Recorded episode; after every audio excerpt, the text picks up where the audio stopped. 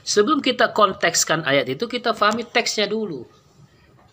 Kata kawam di situ bukan laki-laki pemimpin perempuan, tapi itu suami istri di situ.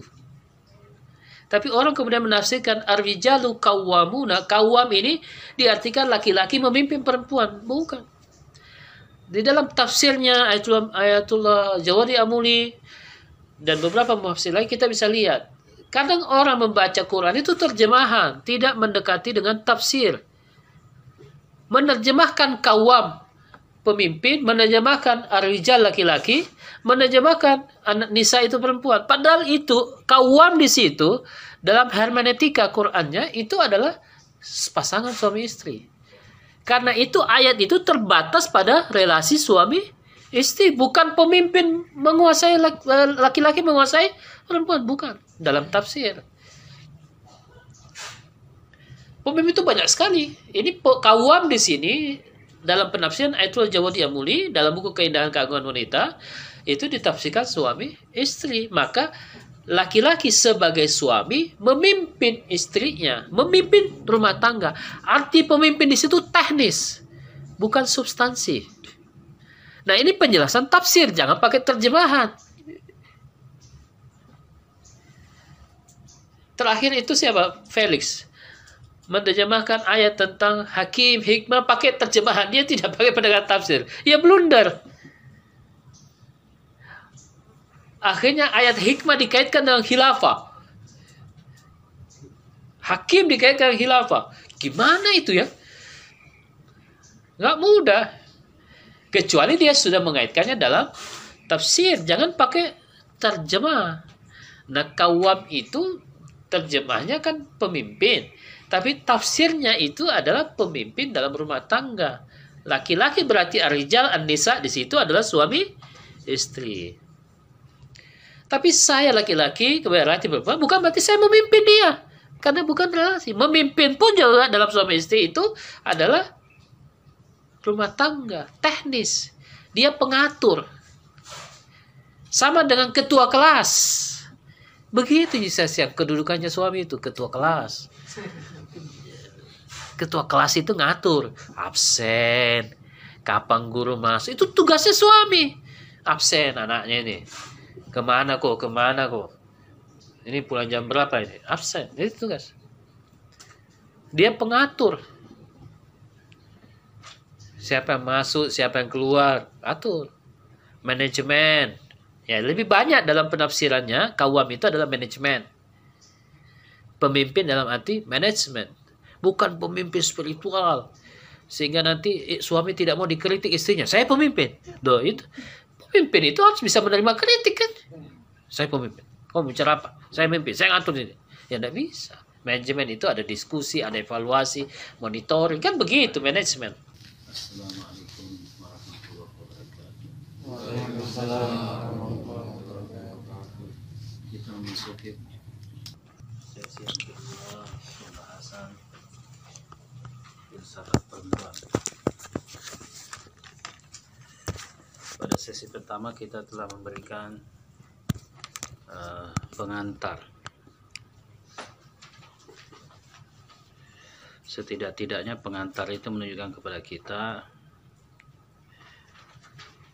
bahwa di dalam realitas kehidupan kita ada permasalahan-permasalahan yang terlihat masih cenderung menempatkan uh, jenis kelamin perempuan atau perempuan uh, pada posisi yang subordinasi. Mereka mengalami kecenderungan subordinasi, determinasi, hegemoni, kekerasan dan berbagai hal yang lainnya. Padahal tentunya kita harus mengembalikan kepada satu prinsip tidak boleh uh, ada orang yang tersubordinasi uh, terhegemoni, terdominasi atau tereksploitasi berdasarkan jenis kelamin, berdasarkan pemahaman-pemahaman yang bias baik laki-laki terhadap perempuan maupun perempuan terhadap laki-laki. pastilah pembahasan kita ini berangkat dari permasalahan-permasalahan yang uh, menonjol dan sampai saat ini saya kira tidak menunjukkan bahwa angka kekerasan terhadap perempuan itu semakin rendah justru kecenderungan angka kekerasan itu semakin tinggi padahal saya kira upaya penyadaran upaya sosialisasi bahwa Islam anti diskriminasi, bahwa Islam anti kekerasan. Itu upaya yang eh, saya kira sepanjang sejarah umat manusia, apalagi sejarah peradaban eh, modern atau postmodern ini itu tidak berhenti dikampanyekan kan. Tentu kan orang mencari apa sih faktor-faktornya ya. Sehingga angka kecenderungan itu masih memperlihatkan bahwa ada dominasi hegemoni eksploitasi terhadap eh, perempuan. Itu kan fakta. Yang jelas kita tidak menginginkan ada yang seperti itu yang kita inginkan satu keseimbangan keadilan ya jadi kalau dilihat dalam relasi jenis kelamin ini memang menunjukkan uh, tren yang tidak uh, menurun tapi justru Eh, meningkat. Bahkan angka kekerasan terhadap perempuan yang masih anak-anak, ya kan? Kekerasan seksual terhadap anak-anak itu juga angkanya semakin besar. Trennya juga semakin naik. Ya. Dan pelakunya juga kalau kita lihat laporan-laporan yang dengan mudah kita akses sekarang ini di Komnas Perempuan dan anak misalnya kita bisa melihat eh, pelaku kekerasan itu adalah orang-orang yang dekat ya apakah ayahnya ya apakah pamannya jadi menunjukkan kepada kita bahwa pembahasan ini semakin uh, mendesak semakin penting untuk kita dudukkan untuk menjelaskan setidak-tidaknya bahwa ini nggak punya basis dalam pandangan dunia Islam. Lantas kalau ada fakta yang kemudian memprihatinkan ini kan eh, kita harus punya sikap bersama, satu pemahaman bersama. Eh, sering saya katakan, eh, mengapa ya kecenderungannya masjid-masjid ini, mengapa ya kita bertanya saja? Ustadz-ustadz itu cenderung tidak terlalu banyak mengangkat isu kekerasan terhadap perempuan ya. Seolah-olah itu hanya miliknya teman-teman LSM saja kan ya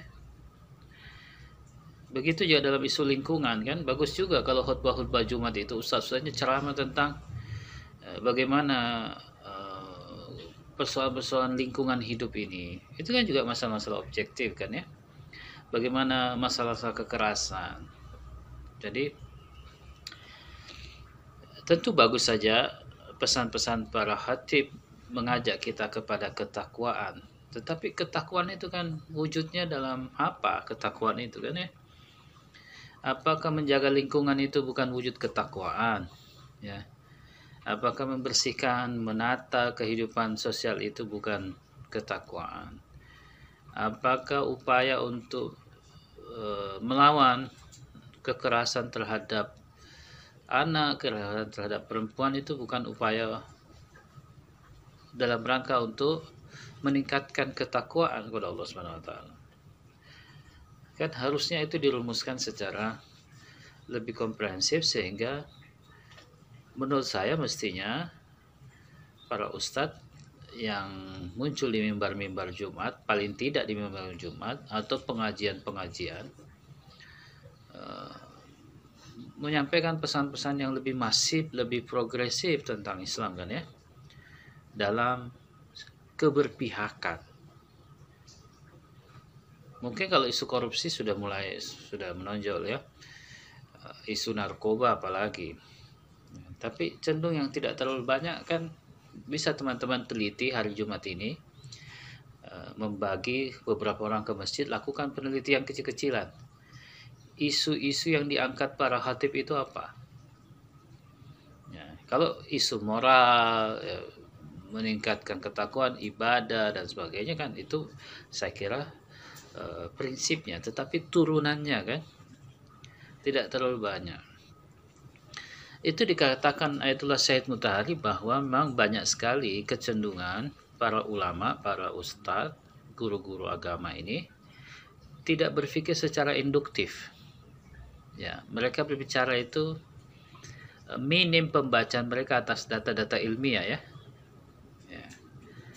Lebih banyak pada idea-idea saja. Ya. Saya kira ini yang membuat mungkin orang seperti Rocky Guru tidak memiliki keyakinan apakah memang orang-orang yang yakin kepada Tuhan ini bisa melakukan uh, progresivitas secara umum ya kecenderungan tidak menjadi kesadaran masif ya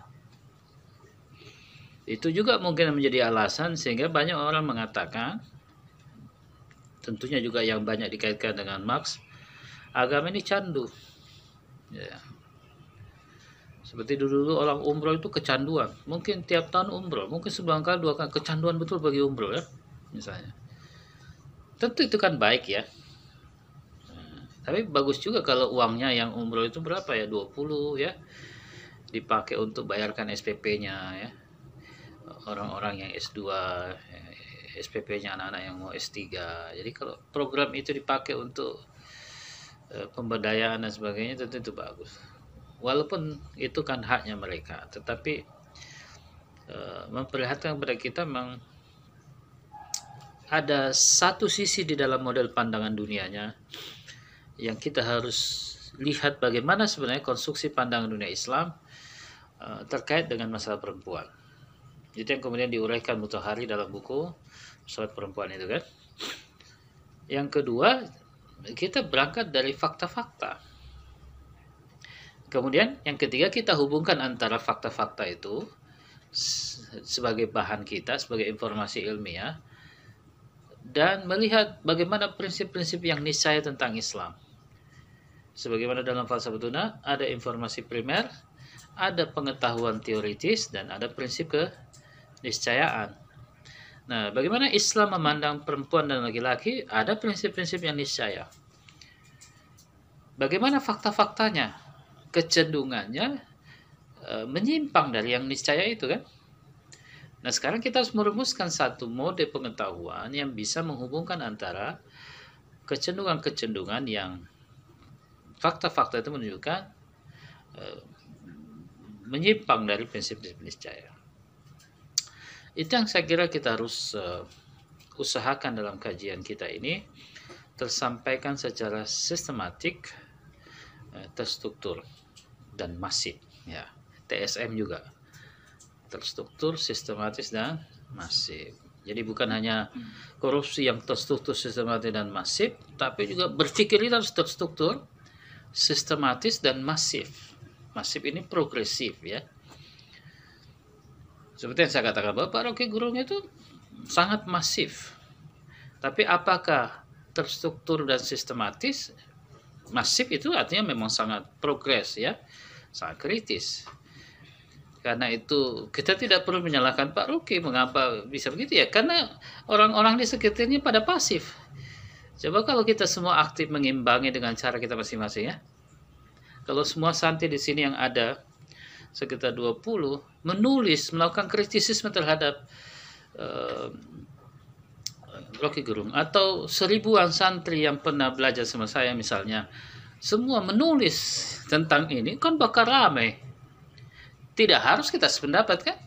Bisa jadi anda tidak sependapat dengan saya bisa jadi ada hal-hal tertentu kita sependapat. Tapi menggairahkan ya gitu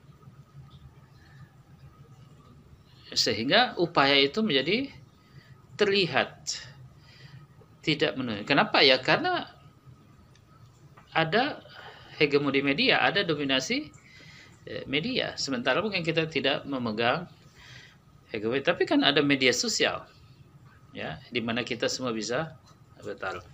Hal yang sama terhadap isu perempuan. Kekerasan itu begitu masif, tetapi usaha kita untuk merespon ini tampaknya hanya nam, hanya kelihatan pada LSM LSM yang bekerja dalam isu perempuan misalnya. Hanya tampak dari kelompok-kelompok kajian yang konsen. Sedangkan kita kan bukan kelompok kajian yang konsen perempuan tapi kita harus masif kan? Ya. Kita bukan lembaga kajian studi perempuan tetapi ini adalah bagian penting dalam uh, kritisisme dan paradigma pemahaman kita tentang perempuan maka kita harus begitu juga dalam isu lingkungan begitu juga dalam isu uh, narkoba dan sebagainya nah mungkin bisa jadi kita tidak begitu masif, tidak begitu progres ya. Begitu juga misalnya kesadaran tentang uh, bagaimana teman-teman HT itu begitu masif ya. Kemudian ketika bisa, mereka demo tahu-tahu bisa ratusan, dua ratusan ya. Eh, eh, bagaimana pengkaderannya ini? Misalnya begitu. Ya kita tidak bisa sebenarnya menyalahkan HTI ya mereka bekerja kan ya. Teman-teman HTI itu juga bekerja mereka sistematis ya. Eh, lantas ketika mereka begitu sih tentu secara substansi ide saya menolak HTI tapi bahwa mereka secara metode punya model gerakan ya eh, mereka sistematis terstruktur dan mereka masif sehingga bisa berada pada posisi seperti ini kan itu yang menjadi pelajaran buat kita. Jadi sering kali kita dalam masalah sosial itu menyalahkan satu pihak kita tidak pernah melihat bagaimana kita sendiri ya, ya kita sekedar menyalahkan Pak Rocky Gerung kita tidak melihat bagaimana situasi kita Pak Rocky Gerung itu bagaimanapun memperlihatkan kepada kita bahwa masyarakat politik kita seperti ini ya dengan mudah menggunakan satu kata, satu bahasa sebagai alat kampanye, alat manipulasi seperti akal sehat kan? Ya, jelas ada masalah dalam kerangka akal sehat Pak Rocky, tapi setidak-tidaknya ketika diangkat akal sehat orang yang dulu jarang bicara filsafat, sekarang ramai bicara filsafat. Ya, teman-teman yang dulu gerakan-gerakannya anti filsafat, ketika Pak Rocky bicara dengan background filsafat, wah dia respon begitu luar biasa. Nah, ini kan ada pendahuluan, ada membuat. Ini satu Rocky Gerung sudah bikin geger misalnya satu Indonesia. Ya. Bisa bikin geger dan dalam jangka waktu yang cukup panjang sampai sekarang kan. Paling tidak udah dua tahunan. Bikin rame sejak kitab suci adalah fiksi itu sudah bikin geger. Kan begitu masif. Nah, itulah juga yang harus kita dudukkan uh, pada persoalan isu perempuan ini ya. Nah, kita telah menyampaikan beberapa pendahuluan dari kasus-kasus dan cerita-cerita itu yang pasti kita menyimpulkan suasana yang memprihatinkan. Masih sangat memprihatinkan terhadap sikap kita uh, dalam isu kekerasan terhadap perempuan ini. Menurut saya begitu sangat memprihatinkan. Padahal pastilah kita tidak menghendaki ada kekerasan yang dilakukan oleh siapa pun oleh uh, terhadap siapa pun baik laki-laki ada perempuan maupun perempuan tapi fakta menunjukkan angka ke, fakta ini dari data yang terangkat ke permukaan memperlihatkan kan seperti mana yang saya sebutkan pada sesi pertama. Nah, mari kita lihat kerangkanya dalam melihat persoalan ini. Beberapa muka dinma saya sebutkan. Eh,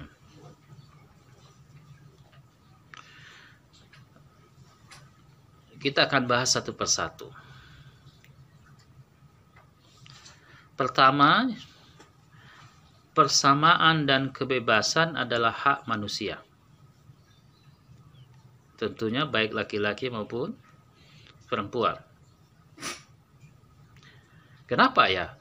Karena perempuan itu manusia, laki-laki itu manusia, tentu persamaan dan kebebasan adalah hak mereka berdua karena mereka sama-sama manusia. Tapi faktanya banyak memperlakukan perempuan seperti binatang. Ya. Banyak memperlakukan seperti objek hasrat saja kan. Bahkan dilegalkan.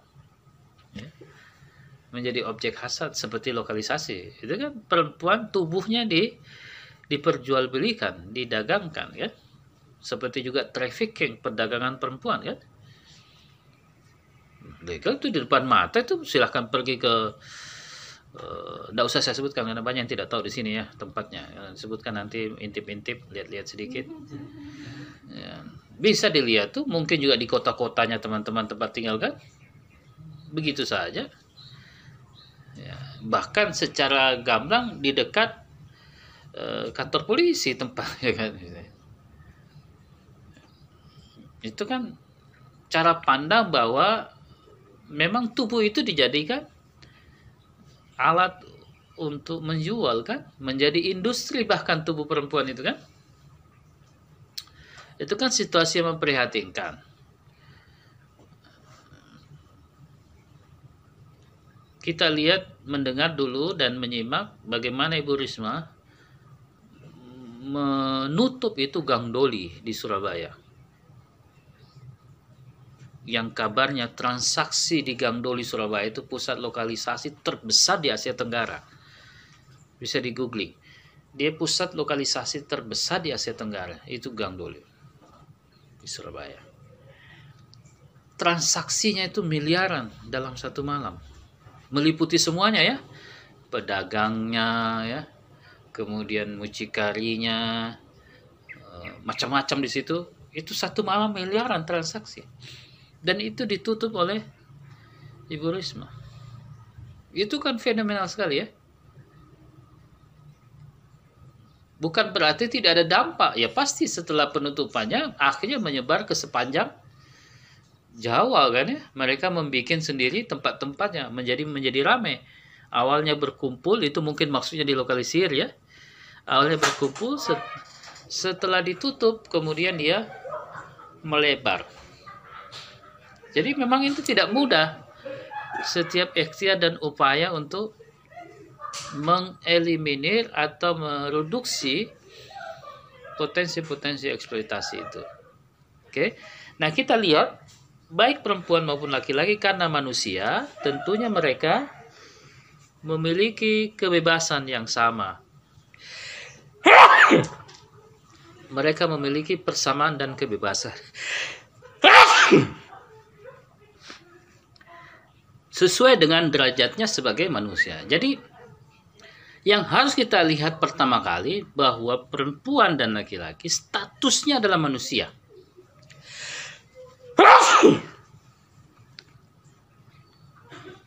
Tidak dilihat pertama kali berdasarkan jenis kelamin. Pandangan dunia Al-Quran, pandangan dunia agama melihat mereka dalam status mereka sebagai manusia. Dan status mereka sebagai manusia itu mereka mereka memiliki persamaan dan kebebasan karena keduanya adalah hak manusia sesuai dengan derajat mereka sebagai manusia. Mereka memiliki kebebasan. Seperti yang saya bahas kemarin kan? Dalam hubungan mereka langsung kepada Tuhan, mereka dipandang sebagai manusia dalam derajat yang sama, memiliki hak yang sama sebagai manusia, memiliki keadaan yang sama dalam kebebasan mereka sebagai manusia. Itu pertama kali harus kita lihat ya. Islam menempatkan seperti itu.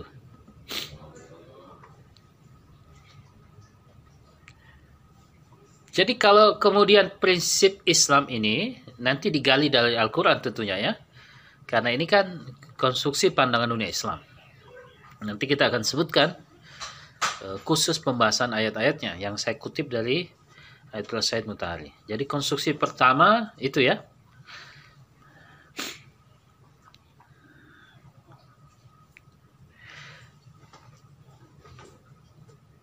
Bagaimana kita melihat uh, persamaan dan kebebasan mereka perempuan sebagaimana laki-laki yang memiliki derajat yang sama sebagai manusia.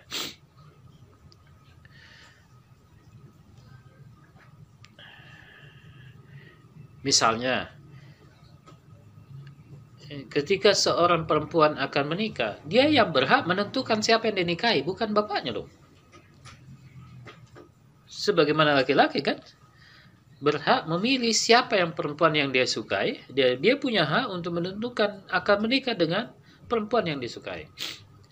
Hal yang sama Islam lihat perempuan juga punya hak yang sama untuk memilih laki-laki mana yang dia senangi dan yang dia sukai.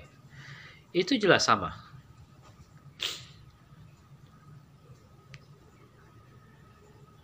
Islam juga memandang bahwa perempuan dan laki-laki sebagaimana laki-laki perempuan pun juga ketika mereka menik uh, ketika mereka sudah dewasa mereka juga memiliki hak atas nafkah dan uh, asal atas pekerjaan atau uh, hasil jerih payah mereka.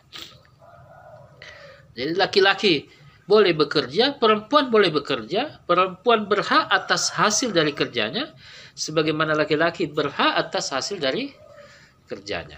Sama dalam menentukan pilihan siapa pasangan hidupnya, dia memiliki hak yang sama.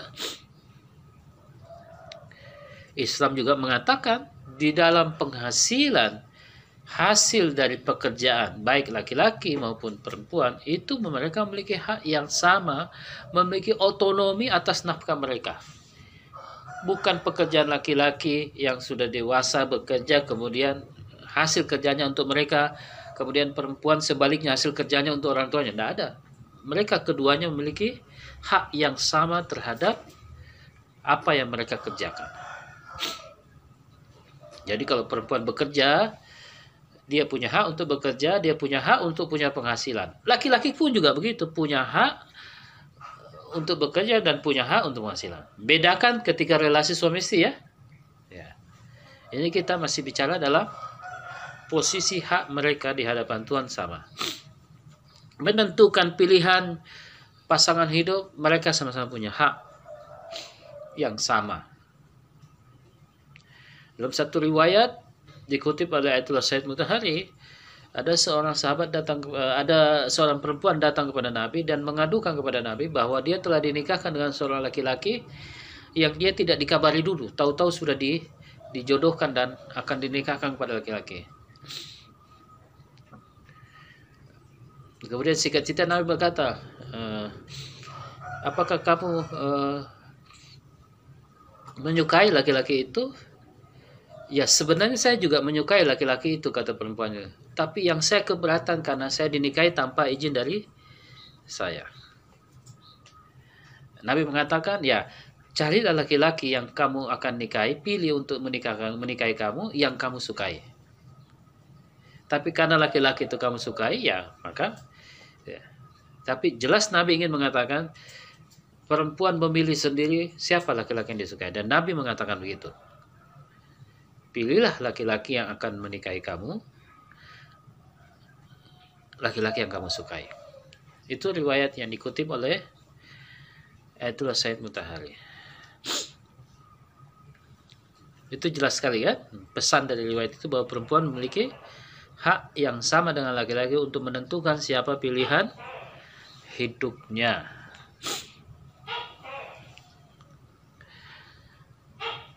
Nanti dalam kemudian dalam hukum misalnya masalah wali misalnya. Kenapa perempuan harus ada kewajiban izin dengan walinya sedangkan laki-laki nah itu pembahasan yang berbeda. Nanti kita kaji dalam pembahasan-pembahasan yang lebih teknis. Tapi prinsipnya sama. Kita sampai pada kesimpulan bahwa hak mutlak untuk memilih pasangan hidup itu kembali kepada yang mau menikah, baik laki-laki maupun perempuan. Tidak ada orang lain yang bisa mendikte, termasuk orang tuanya sendiri. Adapun nanti masalah kewajiban itu hak tadi ya.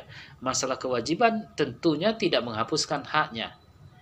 Seorang perempuan berhak untuk menentukan siapa yang menjadi pasangan hidupnya, itu hak mereka.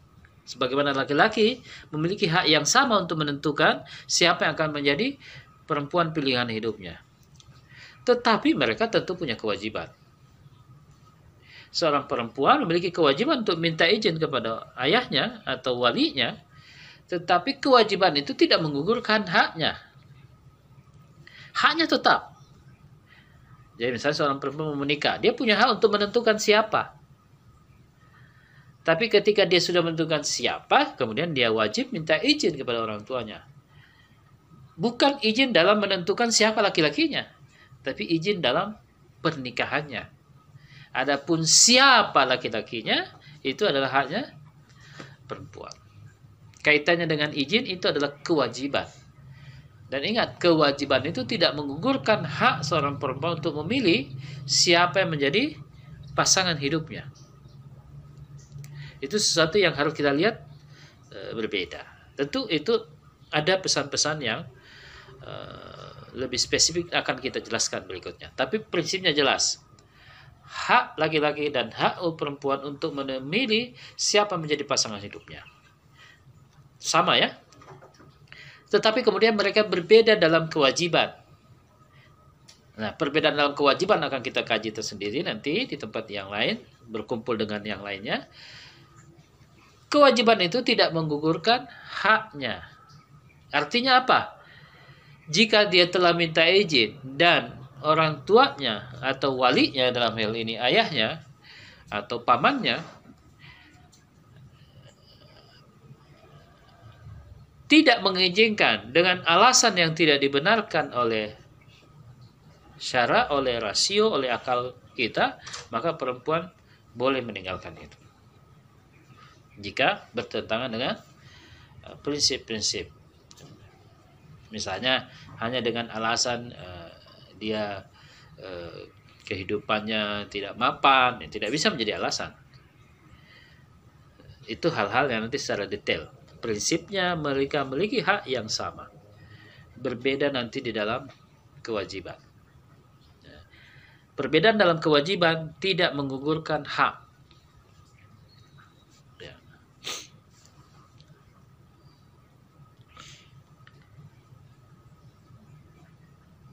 Itu prinsip yang uh, pertama yang harus kita lihat.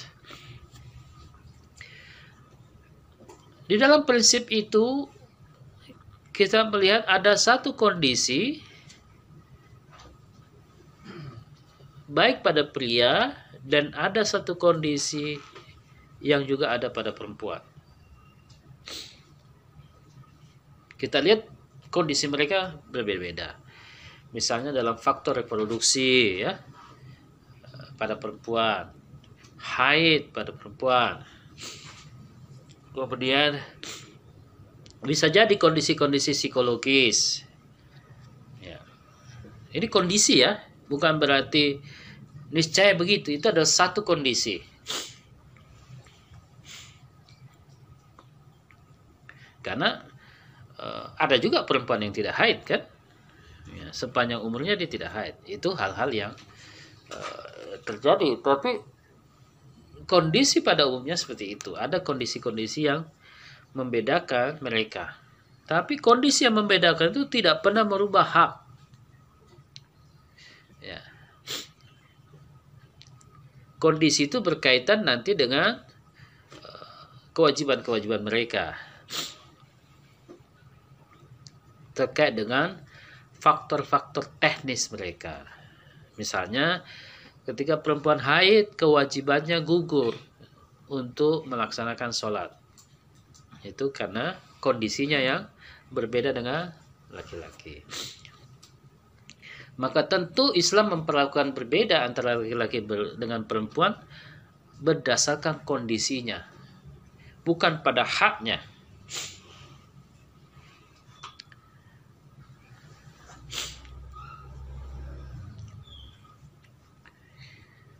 Mengapa misalnya Islam memperlakukan pasangan suami istri itu yang wajib mencari nafkah itu adalah laki-laki dan yang e, perempuan atau istri tidak memiliki kewajiban mencari nafkah. Itu harus dilihat dari sisi kondisinya.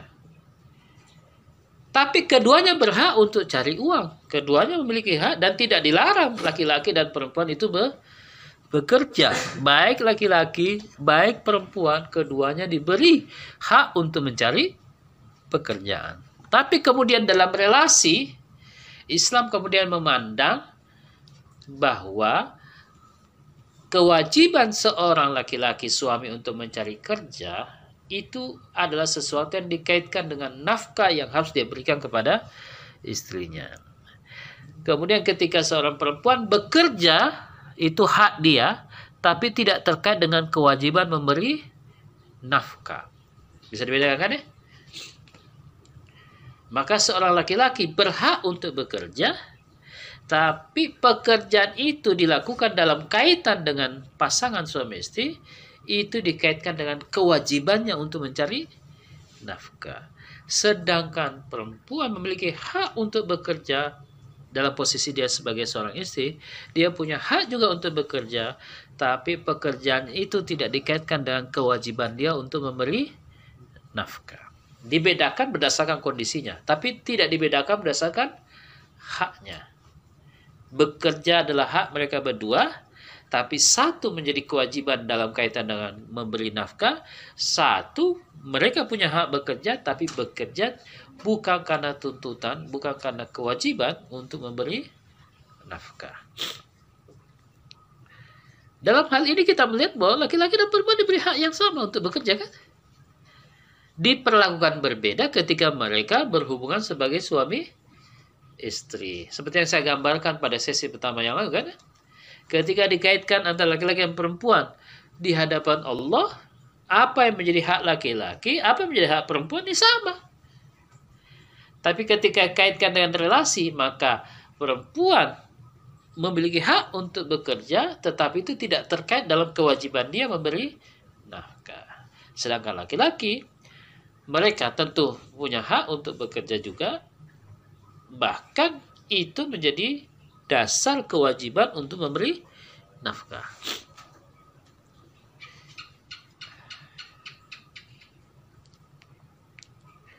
Di dalam kerangka ini, apakah Islam mensubordinasi perempuan?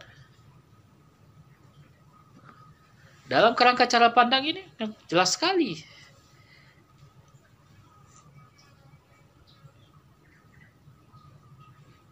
bahwa apa yang dikerjakan oleh laki-laki untuk menafkahi keluarganya, menafkahi istrinya, sedangkan apa yang dikerjakan perempuan, uang mereka adalah uang mereka. Mereka penghasilan mereka tidak berkonsekuensi wajib untuk uh, keluarga mereka.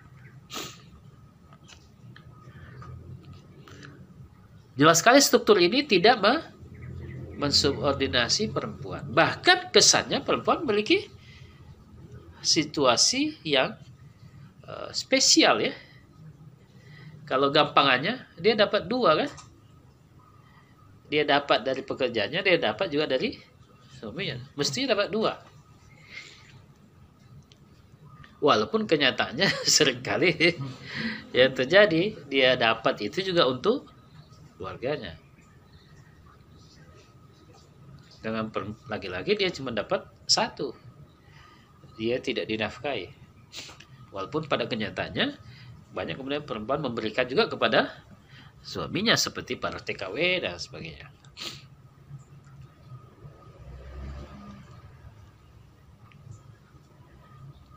maka struktur berikutnya kemudian perempuan punya kewajiban untuk menjaga keluarganya dalam kasih sayang, ya, dalam kelembutan, dalam pendidikan terhadap itu diperlakukan berbeda berdasarkan kondisinya. Kenapa? Karena perempuan itu melahirkan. Ketika dia melahirkan, dia butuh waktu untuk menyapi, e, menyusui sampai penyapihan, mungkin sampai usia anak itu dua tahun. Kemudian mendidik mereka, sementara laki-laki punya kewajiban di luar. Apakah itu mendiskriminasi membuat perempuan tinggal dalam rumah? Tidak. Dia tinggal dalam rumah berdasarkan kondisinya. Perempuan tidak dilarang bekerja, tidak dilarang untuk aktif ya. Tidak dilarang. Tidak ada larangan Islam meng, uh, mengatakan perempuan tidak boleh bekerja, tidak ada. Tidak ada larangan Islam untuk membuat perempuan aktif di uh, gerakan sosial, berperan secara sosial. Bahkan Imam Khomeini mengatakan bahwa revolusi Iran ini juga karena pengaruh besar dari peran perempuan dalam revolusi loh seperti yang terjadi di Iran. Cuma studi-studi Barat tidak mungkin mengcover, tidak terlihat mengcover isu ini kan ya. Jelas sekali perempuan punya.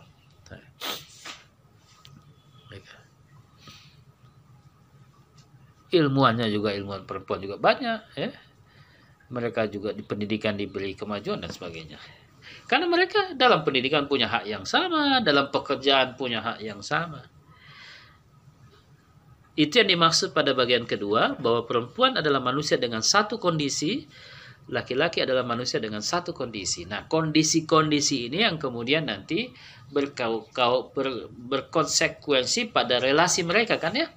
Karena kondisi perempuan melahirkan, ada reproduksi seperti itu, laki-laki tidak, maka diberi kewajiban yang terkait dengan kondisi mereka. Tetapi kalau hak tidak tidak terkait dengan kondisi-kondisi itu ya. Hak fundamental.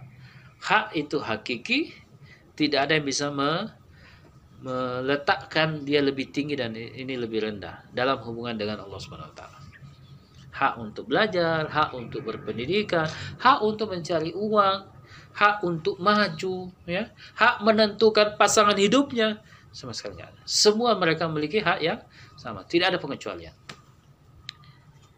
Tapi ketika masuk dari satu kondisi yang dimiliki perempuan dan kondisi laki-laki, kemudian Islam menempatkan satu pendekatan hukum.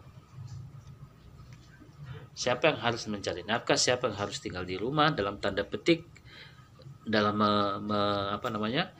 Me, membesarkan, mengkondisikan. Ini berkaitan dengan pembagian peran pembagian peran. Pembagian peran itu bukan peran siapa yang harus masak, bukan peran siapa yang harus cuci baju, tidak ada itu. Peran ini dalam hubungan antara uh, pendidikan anak dan mencari pekerjaan, bukan dalam urusan-urusan rumah tangga. Nggak ada itu. Yang terjadi sekarang dikaitkan perempuan dalam domestikasi kan ya. Sumur, dapur? Nggak ada itu. Kata Imam Ali Khamenei dalam urusan itu mereka harus bekerja sama. Ya ada. Jadi kalau uh, secara moral kemudian uh, laki-laki cari makan di mana makan dan tidak ada makannya eh mama nah mana makannya Nah, lempar ini pilih. Eh, hebat. Kenapa tidak pergi masak sendiri? Itu kan bukan kewajiban dia. Secara moral tentu sebaiknya kita saling menggapai. Eh, bikin kan teh? Tidak bisa dong. Kalau secara akhlak minta tolong, tidak ada masalah. Tapi itu bukan kewajiban. Jadi Islam memandang pentingnya perempuan untuk yang saya istilahkan uh, dalam kosmologi menjaga rumah cinta. Bagaimana dia terus memastikan memancarkan kasih sayang dalam keluarga. Tapi yang terjadi dalam sejarah mereka didomestikasi dalam urusan rumah tangga sehingga muncul istilah ibu rumah tangga. Pernah kita dengar istilah bapak rumah tangga? Dalam kecenderungannya yang paling banyak ibu rumah tangga itu maksudnya tidak ada bedanya dengan pembantu rumah tangga. Padahal tidak ada itu. Laki-laki juga boleh dong melakukan pekerjaan-pekerjaan rumah tangga. Dan apalagi bapaknya pulang pakaian dah buang cuci. Kasiannya. Cuci baju sendiri. Kenapa kan suruh cuci kayak kalau minta tolong lain ya. Tapi mengatakan ini kewajiban baik. Siapa bilang kewajiban dia mencuci? Tapi umumnya dalam kultur kita gitu ya, yang cuci baju, yang setrika baju, yang masakkan, terlambat masak sedikit, apa ya? Saya udah capek kerja, kenapa tidak disiapkan makan? Eh, capek kerja itu memang kewajibanmu. Tidak ada istimewa kan itu memang kewajiban. Kemudian menuntut, ya janganlah menuntut. Tentu baik kalau dia sudah bekerja kemudian dipersiapkan. Tapi kalau kondisinya tidak mungkin kan seperti itu, karena itu kan bukan kewajiban. Kondisi itu maksudnya apa? Dibicarakan. Perempuan dalam satu kondisi, laki-laki. Nah, kondisi itu yang dibicarakan. Kalau hak tidak ada pembicaraan. hak itu sudah fundamentally tidak ada lagi diskusi tentang itu maksudnya diskusi maksudnya e, tidak bisa merubah hakikat yang sama antara laki-laki dan perempuan yang memiliki hak yang sama di hadapan Allah Subhanahu wa taala tapi perempuan dengan satu kondisi, laki-laki dengan satu kondisi, kemudian pada dunia Islam memperlihatkan bahwa betapa pentingnya perempuan itu karena dia berangkat dari faktor reproduksi, kemudian kemudian ada anak dan sebagainya, sehingga mereka memperhatikan institusi rumah ini sebagai institusi dia untuk mengembangkan dan memancarkan kasih sayang. Itu tugas pokok perempuan, kasih sayangnya. Tapi yang terjadi domestikasi, urusan dapur, urusan mencuci, nah itu. Jadi bisa kita katakan Islam mengatakan bahwa perempuan sebagai istri punya kewajiban untuk menciptakan rumah sebagai sarana pemancaran kasih sayang. Laki-laki punya kewajiban untuk mencari nafkah. Adapun masalah masak, masalah mencuci itu bekerja sama. Saya kira sejarah kita memperlihatkan penyimpangan di situ, kecenderungannya mereka perempuan di domestikasi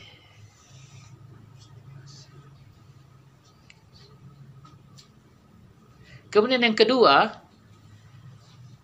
cara pandang yang melihat bahwa mencari uang itu lebih mulia daripada mendidik anak.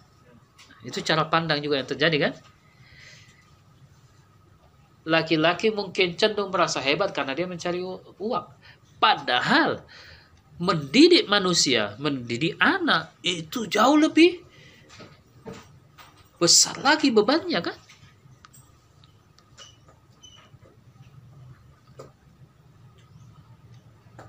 Betapa cara pandang ini memperlihatkan kepada kita bahwa mereka yang keluar cari uang dianggap itu manusia yang sukses.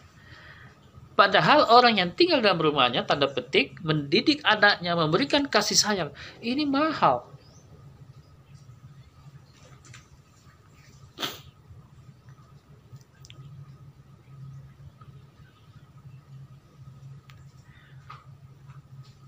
Orang bisa berhasil mencari uang miliaran, tapi coba uji mereka dalam mendidik manusia.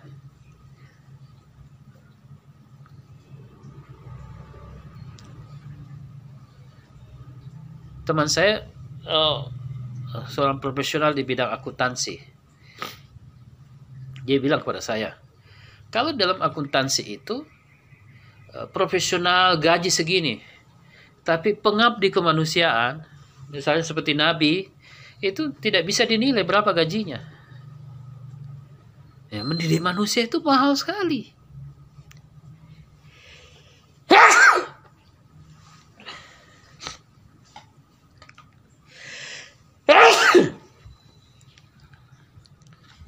maaf ya. Saya dari dulu alergi pagi itu dingin. Ya. Yang kedua debu. Yang ketiga eh, makanan kalau sudah goreng-goreng ada apanya itu? Wah sudah. ya, saya mohon maaf kalau mengganggu bukan karena corona ya. sejauh ini Jadi cara pandang pertama menggeser apa yang menjadi kewajiban mendidik anak dengan kasih sayang, menggeser kemudian perempuan didomestikasi dalam rumah. Itu pergeserannya. Yang kedua cara pandang yang melihat bahwa manusia yang sukses adalah sukses mencari uang. Ukuran kesuksesnya adalah pencapaian-pencapaian material. Saya tidak mengatakan Eh, itu tidak boleh. Orang harus melakukan usaha untuk me meraih itu capaian-capaian material. Supaya apa? Dia tidak bergantung dengan orang lain kan? Tapi ukuran kesuksesan juga harus dinilai pada kemampuan untuk mendidik anak. Dan dalam satu kondisi itu kan diawali dari anak itu dalam kandungan dan itu ada di perempuan kan? Maka apa? seharusnya kita melihat mereka mengayomi mereka dalam masa mereka mengandung itu kan pasti akan melelahkan dan sebagainya jadi itu yang kedua akibat cara pandang kita melihat bahwa yang sukses itu pencapaian-pencapaian ma material.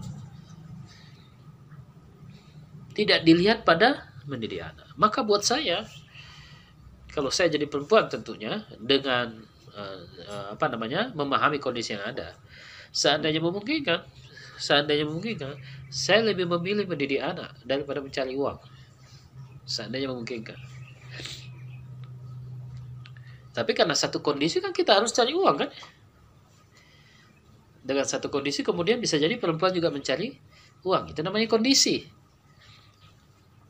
Nah, kita harus me mengantarkan kondisi ini untuk sampai pada kondisi yang kita harapkan seperti itu. Bagaimana memastikan bahwa kita juga menjadi orang yang fokus memperlihatkan pada dua tanggung jawab. Pertama tanggung jawab nafkah material dan tanggung jawab non material yaitu pendidikan. Kalau tidak punya anak, tanggung jawab cinta dan kasih sayang. Ya, itu bisa. Kalau tidak punya anak, bisa mengadopsi anak untuk mewariskan sifat-sifat kasih sayang dalam hubungan suami istri. Itu dua yang utama ya. Kemudian keduanya mengalami per pergeseran.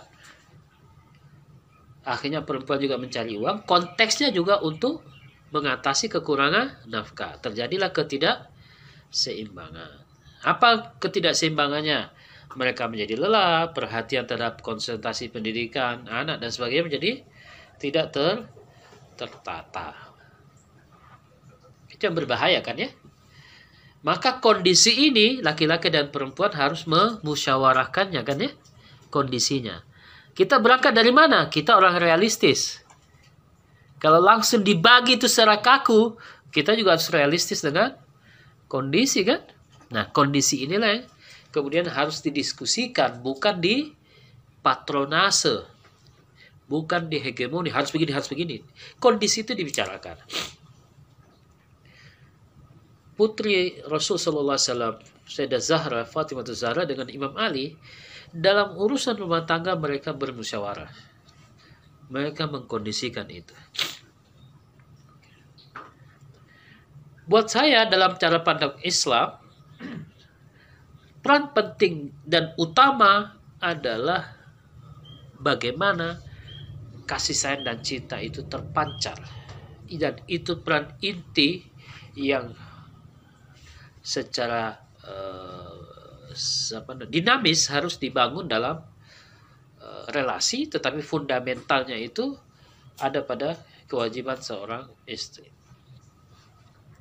Tapi karena satu kondisi kemudian itu harus di dimusyawarahkan. Kondisi itu berkaitan dengan nafkah ya. Kondisi itu berkaitan dengan kompleksitas pendidikan sekarang ini tidak seperti dulu ya kompleksitasnya zamannya juga berbeda ya model pendidikannya pun juga kemudian harus dengan pendekatan-pendekatan yang yang berbeda dan sebagainya bisa dimengerti itu nah jadi kalau kita lihat prinsip fundamentalnya sudah jelas bahwa haknya sama kemudian perbedaan kewajiban berangkat dari kondisi-kondisi situasi-situasi alamiah seperti faktor reproduksi. Kemudian dibangunlah akar-akar itu. Dari akar-akar itu siapa yang bekerja, mencari nafkah, kemudian siapa yang kemudian fungsi untuk memancarkan kasih sayang. Tetapi juga Islam tidak melarang kemudian bahwa perempuan juga boleh mencari uang, tetapi bukan dalam konteks kewajiban. Salah tuh tidak kalau dia untuk menumpuk loh. Ya kalau memang kondisinya seperti itu, nah itu namanya kondisi yang dinamis yang bisa dibicarakan. Tapi prinsipnya sudah jelas. Bisa dimengerti? Bahkan kalau harus memilih, kriterianya justru buat saya paling fundamental adalah mendidik manusia. Adapun mencari uang tidak usah dibahas. Itu instinktif. Orang harus mencari uang supaya mereka tidak bergantung, tidak menyebabkan kezaliman ketika mereka tidak punya uang kan ya? Ya. Dan sebagainya. Maka mereka harus mencari itu. Tapi jangan dilihat dibikinkan ukuran ukuran yang sukses ini dia punya ini, punya ini, punya ini. Buat saya ukuran sukses adalah apa yang kita cari secara material itu dilihat dari sejauh mana kemampuan dana itu, uang itu dipakai untuk mendidik manusia. Di situ jalinan antara mencari nafkah dengan mendidik anak. Karena itu ada kesinambungan antara mencari nafkah dengan mendidik anak. Maka kita mengatakan biaya pokok dari nafkah kita diabdikan untuk apa? Memanusiakan manusia. Uang yang kita cari dipakai untuk mendidik. Gampangnya begini. Kalau nanti Santi punya uang, silahkan beli rumah sebagai kebutuhan mendasar. Tapi kalau ada lebihnya, bikin perpustakaan, bikin tempat-tempat pendidikan yang mendidik manusia. Jadi kalau pulang kampung, muncul sekolah-sekolah epistemologi di kampungnya sekolah epistemologi untuk petani, sekolah epistemologi untuk para buruh, sekolah epistemologi untuk para suami, sekolah epistemologi untuk para istri, sekolah epistemologi buat anak-anak, sekolah epistemologi. Jadi diabdikan untuk memanusiakan manusia. Setelah apa? Kebutuhan pokoknya sudah karena juga ada orang pengabdi kemanusiaan, bagus tentunya, tapi secara material dia terkatung-katung. Tidak boleh kan begitu ya? Dia harus selesaikan syarat materialnya. Kalau bahwa kemudian dia hidup pas-pasan tapi tidak bergantung kepada orang, silahkan mengabdi. Kalau tidak, selesaikan itu masalah pokok soalnya. Ya. Maka diberikanlah satu kerangka tanggung jawab material dan tanggung jawab non uh, material.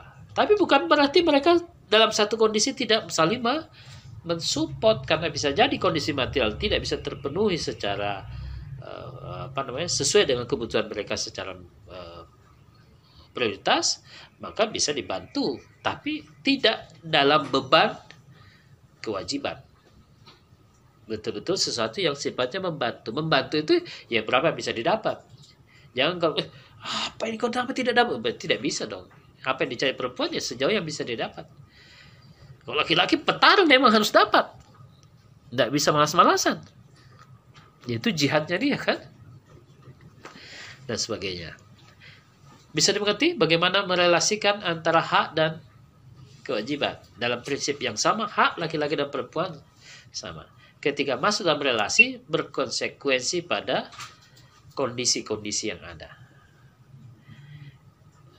Kemudian, itu juga tidak berarti kemudian terpaku secara paten seperti itu karena ada kondisi tertentu sehingga bisa jadi perempuan kemudian dia bekerja untuk mensupport tapi bukan bekerja dalam kewajiban. Bahwa mereka ingin mensupport supaya kehidupan lebih ringan ingin beli ini beli ini silahkan sepanjang apa yang menjadi prinsip mereka kewajiban mereka tidak terganggu. Bisa dimengerti? Itu yang pertama, berkaitan dengan persamaan dan kebebasan adalah hak manusia yang sesuai dengan derajatnya sebagai manusia, maka laki-laki dan perempuan karena keduanya manusia, maka mereka memiliki persamaan dan derajat yang sama. Kebebasan juga adalah uh, mereka juga memiliki hak yang sama. Yang membedakan nanti berdasarkan kondisi-kondisinya. Bukan berkaitan dengan hak yang prinsipil ya. Karena hak tidak bisa ditawar-tawar kalau kewajiban masih bisa ada tawarannya. Misalnya laki-laki punya kewajiban mencari nafkah tapi karena dia di PHK dia misalnya kehilangan pekerjaan ya masih bisa ditawarkan dibantu dulu ya. Eh, tapi kalau hak nggak bisa ditawar. Tapi laki-laki tidak gugur kewajibannya, tapi karena kondisi kemudian dia bisa dibantu, diringankan ya, karena kondisi tidak gugur kewajibannya. Kondisinya yang bisa me melihat bahwa ada kerjasama, tapi tetap kembali kepada kewajiban masing-masing, tapi ada e, kerjasama. Yang kedua, ada pergeseran biasnya Eh, terjadi oleh karena kita menggeser tugas seorang istri untuk memastikan kasih sayang dan dalam hal ini kalau ada anak mendidik anak dengan cinta dan kasih sayang bergeser kepada domes domestikasi. Akhirnya lebih banyak urusan rumah tangga daripada urusan memperhatikan anak. Itu tidak seperti itu pada dunia Islam.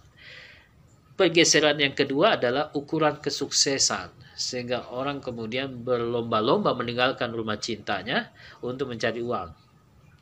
Padahal tugas mencari nafkah ini diabdikan bagaimana mendidik manusia. Maka yang paling penting adalah kita mencari uang dan menyimpan uang itu untuk mendidik anak. Biayanya untuk mendidik, biaya pendidikan, biaya itu. Menurut saya itu yang paling penting. Selain biaya pokok untuk makan ya.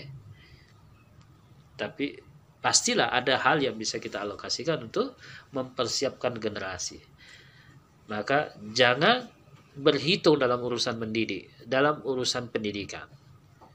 Itu harus dihabiskan di situ karena pada akhirnya kontribusi keluarga ini adalah manusia kan ya. Menurut saya mencari uang mungkin itu susah, tapi jauh lebih susah mendidik anak. Maka mestinya kita lihat bahwa e, perempuan yang memastikan kasih sayang itu harus diberi penghormatan yang setinggi-tingginya kan ya. Bahkan uang yang kita pakai harus kita support itu misalnya. Tapi sekali lagi bahwa kewajiban berdasarkan kondisi ini bisa didiskusikan ya, bisa diperankan. Coba terjadi pergeseran karena domestikasi, domestikasi itu menggesernya, kemudian cara pandang tentang kesuksesan.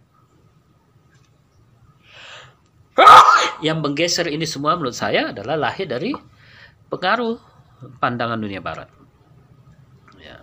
Barat yang kita maksudkan Eropa abad pencerahan yang menggeser semua ini. Saya berkeyakinan seperti itu. Jadi ada aspek-aspek tertentu dalam gerakan feminisme liberal yang kita appreciate. Tapi struktur liberalisme itu yang berbahaya. Bukan pesan-pesan persamaan dalam pandangan liberal. Jelas bagus. Bukan menolak bahwa teman-teman feminisme liberal ini mengkampanyekan tidak boleh ada kekerasan terhadap perempuan. Kita setuju itu. Tapi yang harus kita lihat apa struktur dan paradigma dari pandangan liberal tentang perempuan. Itu yang kita kritisi ya. Bukan pengalaman kekerasannya, kita harus uh, bekerja sama dengan teman-teman feminis liberal itu. Bukan berkaitan dengan uh, cara pandang karena memang ada cara pandang yang membangun tafsir-tafsir misoginis, tafsir-tafsir yang melihat kekuasaan laki-laki, ada menginterpretasikan. Begitu juga apalagi kalau kita ambil feminisme uh, Marxis, feminisme kiri ya, itu melihat akar-akarnya pada teks-teks keagamaan. Kalau liberal agak mending lah. Ya, nanti kita bisa bahas uh, relasi-relasinya. Itulah yang bisa kita simpulkan pada uh, pertemuan kedua ini. Mudah-mudahan ada manfaatnya. Assalamualaikum warahmatullahi wabarakatuh. Silahkan kalau ada pertanyaan. Ya. Perbedaan dalam haknya itu yang dimaksud dalam spesifiknya seperti apa? Sedangkan tadi aku banyak yang ditangkap dalam contohnya itu ruang lingkup sosial. Karena di pembahasan pada Hausman juga kalau di pelajaran problematika bahwa kebebasan itu adalah pemahaman intelektualnya. Haknya dalam laki-laki dengan perempuan ini seperti apa? laki-laki dan perempuan sama-sama manusia. Maka di hadapan Allah mereka sederajat memiliki hak yang sama kan?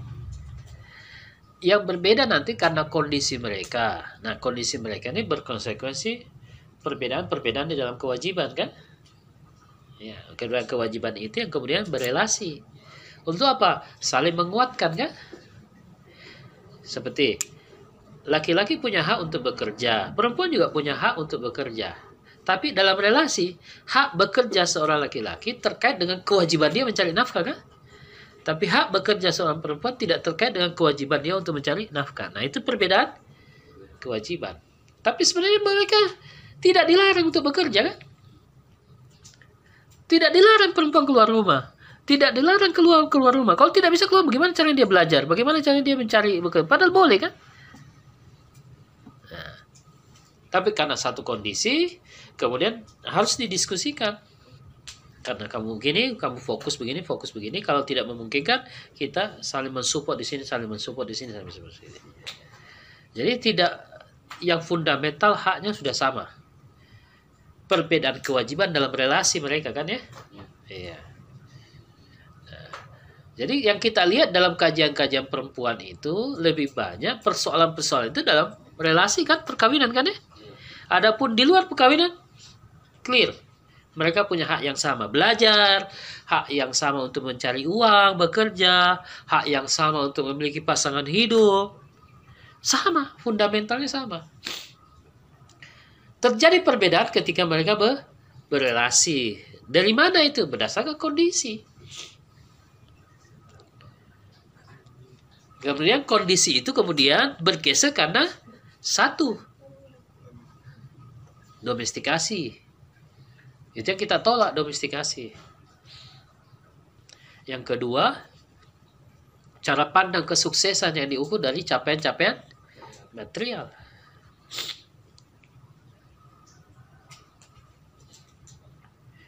Saya dengan segala hormat, tentu kita hormati setiap manusia.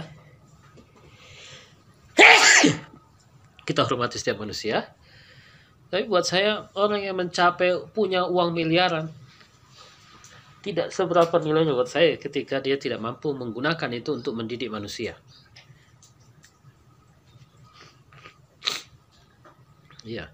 Tapi orang yang pas-pasan tapi mampu mendidik ini jauh lebih berharga buat saya. Nabi itu juga kondisinya biasa saja hidupnya, tapi dia bisa mendidik manusia.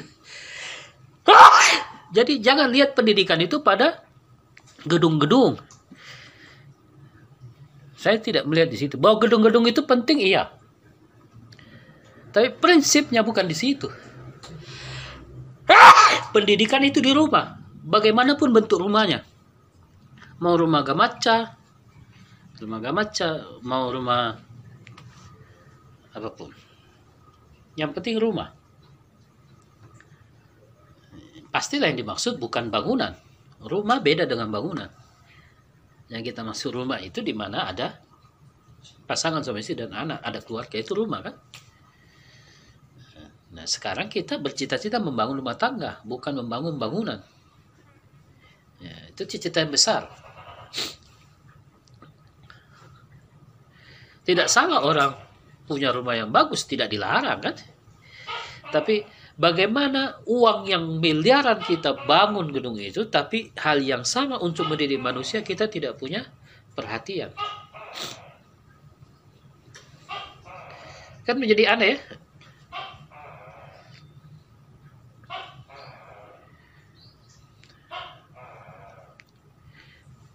Mungkin agak berlebihan. Atau bisa jadi kalau saya sudah punya uangnya, mungkin saya tidak berpikir begitu lagi. Kalau saya punya uang satu triliun, maka saya akan bikin proyek penerjemahan karya-karya filsafat, buku-buku babon, buku-buku besar, dan oleh tim yang ahli, dan kita gaji dia dengan gaji yang sangat besar. Saya akan gaji seorang penerjemah ahli per bulan 50 juta untuk menyelesaikan satu proyek penerjemahan kalau saya punya uang. Maka saya cari uang membangun orientasi itu kan. Saya cari uang untuk bagaimana anak saya punya kemampuan bahasa yang bagus, punya kemampuan logika yang bagus, punya kemampuan matematika yang bagus. Bagaimana punya kemampuan pendidikan. Itu sebenarnya kan yang dimaksud mendidik ya. Saya bilang sama anak saya, saya tidak bisa mewarisi apa-apa. Kecuali saya harus berusaha mengabdikan pada pendidikan. Itu jauh lebih mahal, jauh lebih mendasar. Tapi orang menggiring keti- ketika suksesnya itu dengan punya rumah berapa, punya mobil berapa. Tidak salah. Yang harusnya diimbangi juga dengan kualitas pendidikan. Nah kalau ke depan 5 tahun, 10 tahun ke depan, seluruh sakti kita bangun komitmen bersama.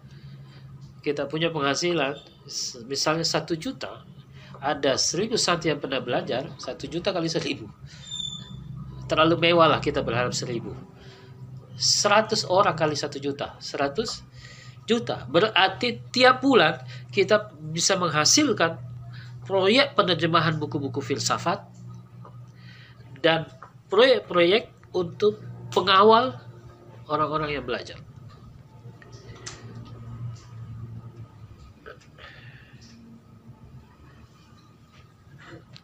Itu yang dimaksud ya. Jadi mencari nafkah yang dijadikan penghasilan ukuran kesuksesan. Padahal bukan itu kewajiban untuk memenuhi apa yang menjadi hak dasar manusia untuk belajar, untuk macam-macam.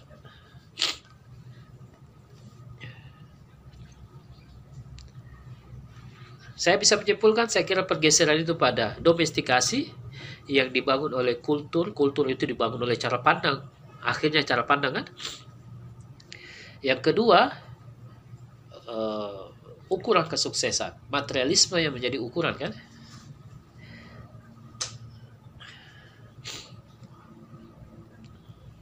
Jadi kita tidak dilarang cari uang, tapi seluruhnya diabdikan untuk kepentingan memanusiakan manusia. Bukan memesinkan manusia, bukan mengalienasikan manusia. Mereka semakin terasing. Saya tidak tahu uang tabungannya miliaran itu untuk apa. Padahal biaya hidup makan sampai usia 70 tahun bisa diukur kan? Sudah bisa diukur. Ya sisanya itu kemudian muncullah konsep zakat ya, muncullah konsep infak, muncullah konsep sedekah.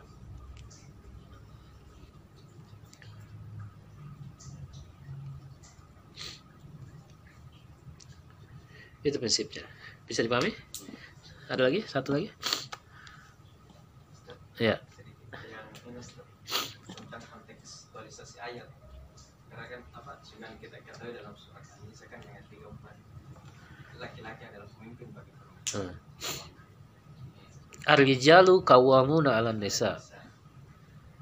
Nah, kadang begini Ustaz, eh, kadang saya melihat ini per, apa pendapat apa penglihatan subjektivitas saya internalisasi dalam Islam kadang menjadikan ayat itu sebagai legitimasi untuk mendominasi perempuan Ustaz.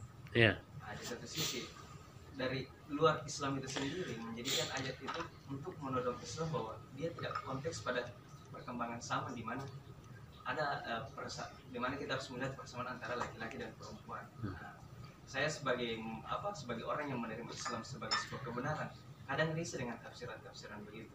Yeah. Nah, pertanyaannya Ustaz, bagaimana uh, filsafat perempuan ini melihat kontekstualisasi ayat itu tadi.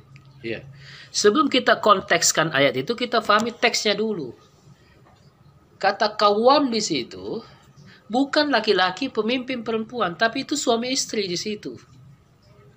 Tapi orang kemudian menafsirkan arwijalu kawamuna, kawam ini diartikan laki-laki memimpin perempuan, bukan. Di dalam tafsirnya Ayatullah, Ayatullah Jawadi Amuli dan beberapa muhafsir lain kita bisa lihat kadang orang membaca Quran itu terjemahan tidak mendekati dengan tafsir. Menerjemahkan kawam pemimpin menerjemahkan arwijal laki-laki menerjemahkan anak nisa itu perempuan padahal itu kawam di situ dalam hermeneutika Qurannya itu adalah pasangan suami istri karena itu ayat itu terbatas pada relasi suami Istri bukan pemimpin menguasai laki-laki menguasai perempuan bukan dalam tafsir. Pemimpin itu banyak sekali. Ini kawam di sini dalam penafsiran Ayatul Jawadi Amuli dalam buku Keindahan Keagungan Wanita itu ditafsirkan suami istri. Maka laki-laki sebagai suami memimpin istrinya, memimpin rumah tangga. Arti pemimpin di situ teknis, bukan substansi. Nah ini penjelasan tafsir, jangan pakai terjemahan. Terakhir itu siapa? Felix. Menerjemahkan ayat tentang hakim, hikmah pakai terjemahan. Dia tidak pakai pendekatan tafsir. Ya blunder. Akhirnya ayat hikmah dikaitkan dengan khilafah. Hakim dikaitkan dengan khilafah. Gimana itu ya? Nggak mudah.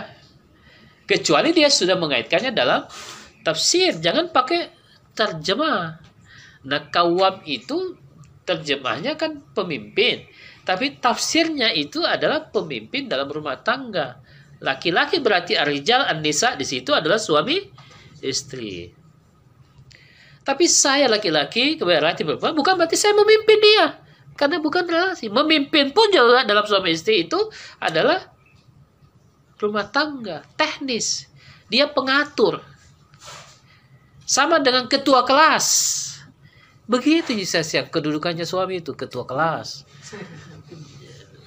ketua kelas itu ngatur. Absen. Kapan guru masuk? Itu tugasnya suami. Absen anaknya ini. Ke mana kok? Ke mana kok? Ini pulang jam berapa ini? Absen. Itu tugas. Dia pengatur. Siapa yang masuk siapa yang keluar atur. Manajemen. Ya lebih banyak dalam penafsirannya kawam itu adalah manajemen. Pemimpin dalam arti manajemen bukan pemimpin spiritual. Sehingga nanti eh, suami tidak mau dikritik istrinya. Saya pemimpin. Doh itu pemimpin itu harus bisa menerima kritik kan? Saya pemimpin. Kamu bicara apa? Saya pemimpin saya ngatur ini. Ya tidak bisa. Manajemen itu ada diskusi ada evaluasi monitoring. Kan begitu manajemen. Jadi silakan kita mengkontekstualisasi, menjelaskan manifestasi ayat, tapi teksnya harus dimengerti ya. Sementara model-model teman-teman seperti Hisferi dengan hormat, eh, teksnya tidak hermeneutik, letter leg terjemah. Seperti kata wali pemimpin wali ya. Itu artinya pemimpin. Pemimpin apa? Apa yang dimaksud pemimpin politik? Pemimpin apa yang dimaksud?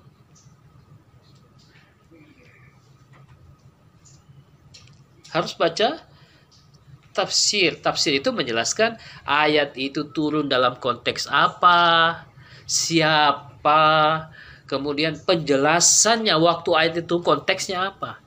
Jangan ditarik ke konteks kita, kemudian kehilangan konteks ayat itu sendiri. Kenapa? Karena kita masuk pada kepentingan kita pada teks bahaya. Saya kira ayat ini yang sering kali juga menjadi masalah. Pemimpin di situ adalah manajemen, teknis kasihan. Jadi suami itu kayak ketua kelas. Bukan pemimpin spiritual. Dia ketua kelas. Artinya dia juga bisa dikritik, bisa dikasih masukan. Tugasnya ketua kelas itu absen. Panggil yang mau belajar, ingatkan. Itu tugasnya ketua kelas. Jadi mari kita lihat bahwa kita yang laki-laki kita kita menjadi suami, jangan lupa kajian saya bahwa suami di situ ketua ketua kelas. Jangan kasih naik-naik pangkatnya pemimpin spiritual tak liwat-liwat saya kira. Saya kira cukup sudah jam 8. Assalamualaikum warahmatullahi wabarakatuh.